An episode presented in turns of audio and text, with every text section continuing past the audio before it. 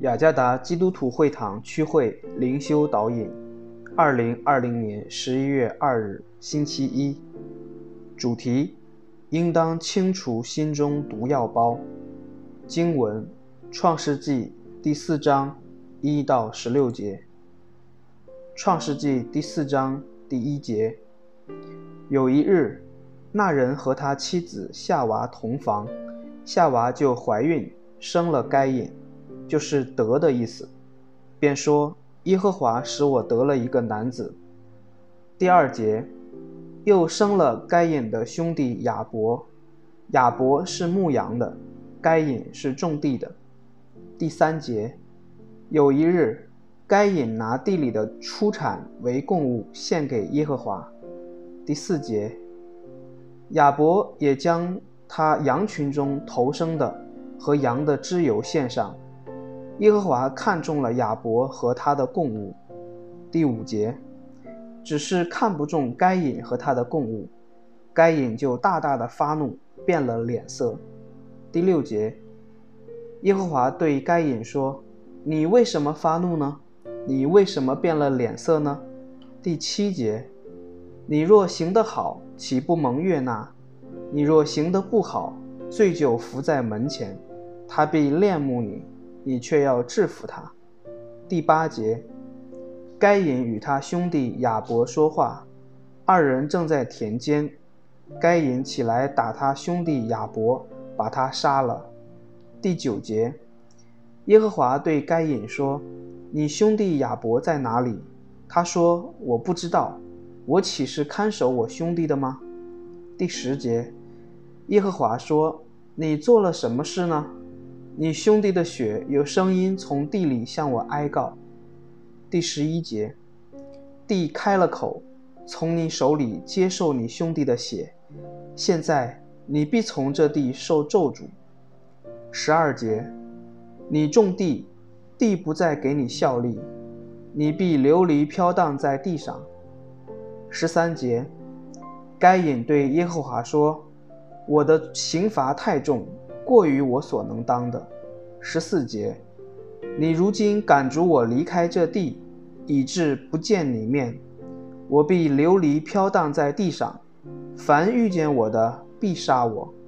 十五节，耶和华对他说：“凡杀该隐的，必遭报七倍。”耶和华就给该隐立一个记号，免得人遇见他就杀他。十六节，于是。该隐离开耶和华的面，去住在伊甸东边挪得之地。被拒绝乃是一个很不好的测验，能揭示出心中真正的意念。虽然在一方面被拒绝是很令人难过的，然而并非意味着不能以智慧和真实来表态。在这段经文当中，该隐心中充满怒火，来面对上帝的拒绝。有毒药包在侵蚀他的心，他的供物为什么会被拒绝呢？供物有什么不妥之处而被拒绝呢？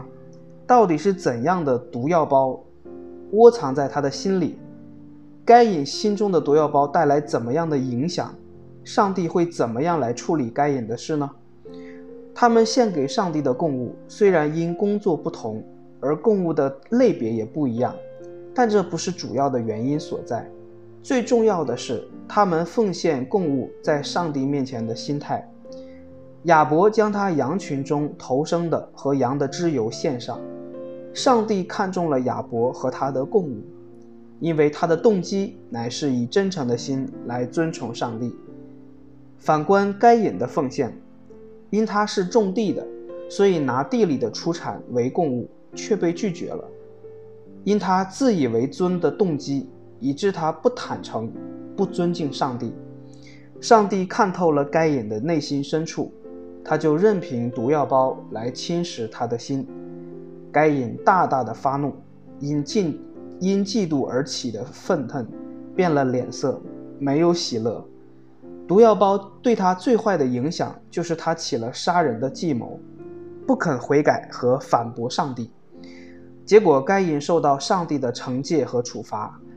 虽然他向上帝抗议，该隐任凭毒药包来侵蚀他的心，也从没有想过要在上帝那里寻找解毒的药。在每位上帝儿女的生活中，其实时常有上帝的恩典来解决对毒药包在心中的侵害。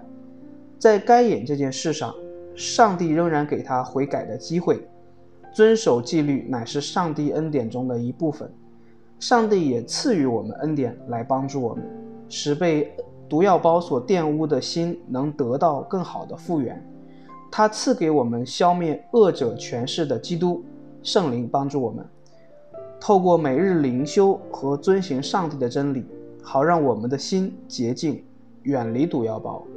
我们更加渴求能经历爱、诚恳、纯净、尊敬。顺服上帝的基督的心为心。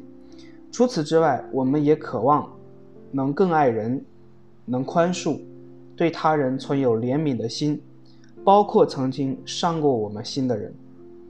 圣灵有能力来帮助我们清除玷污我们心的毒药包，只要我们肯向他降服。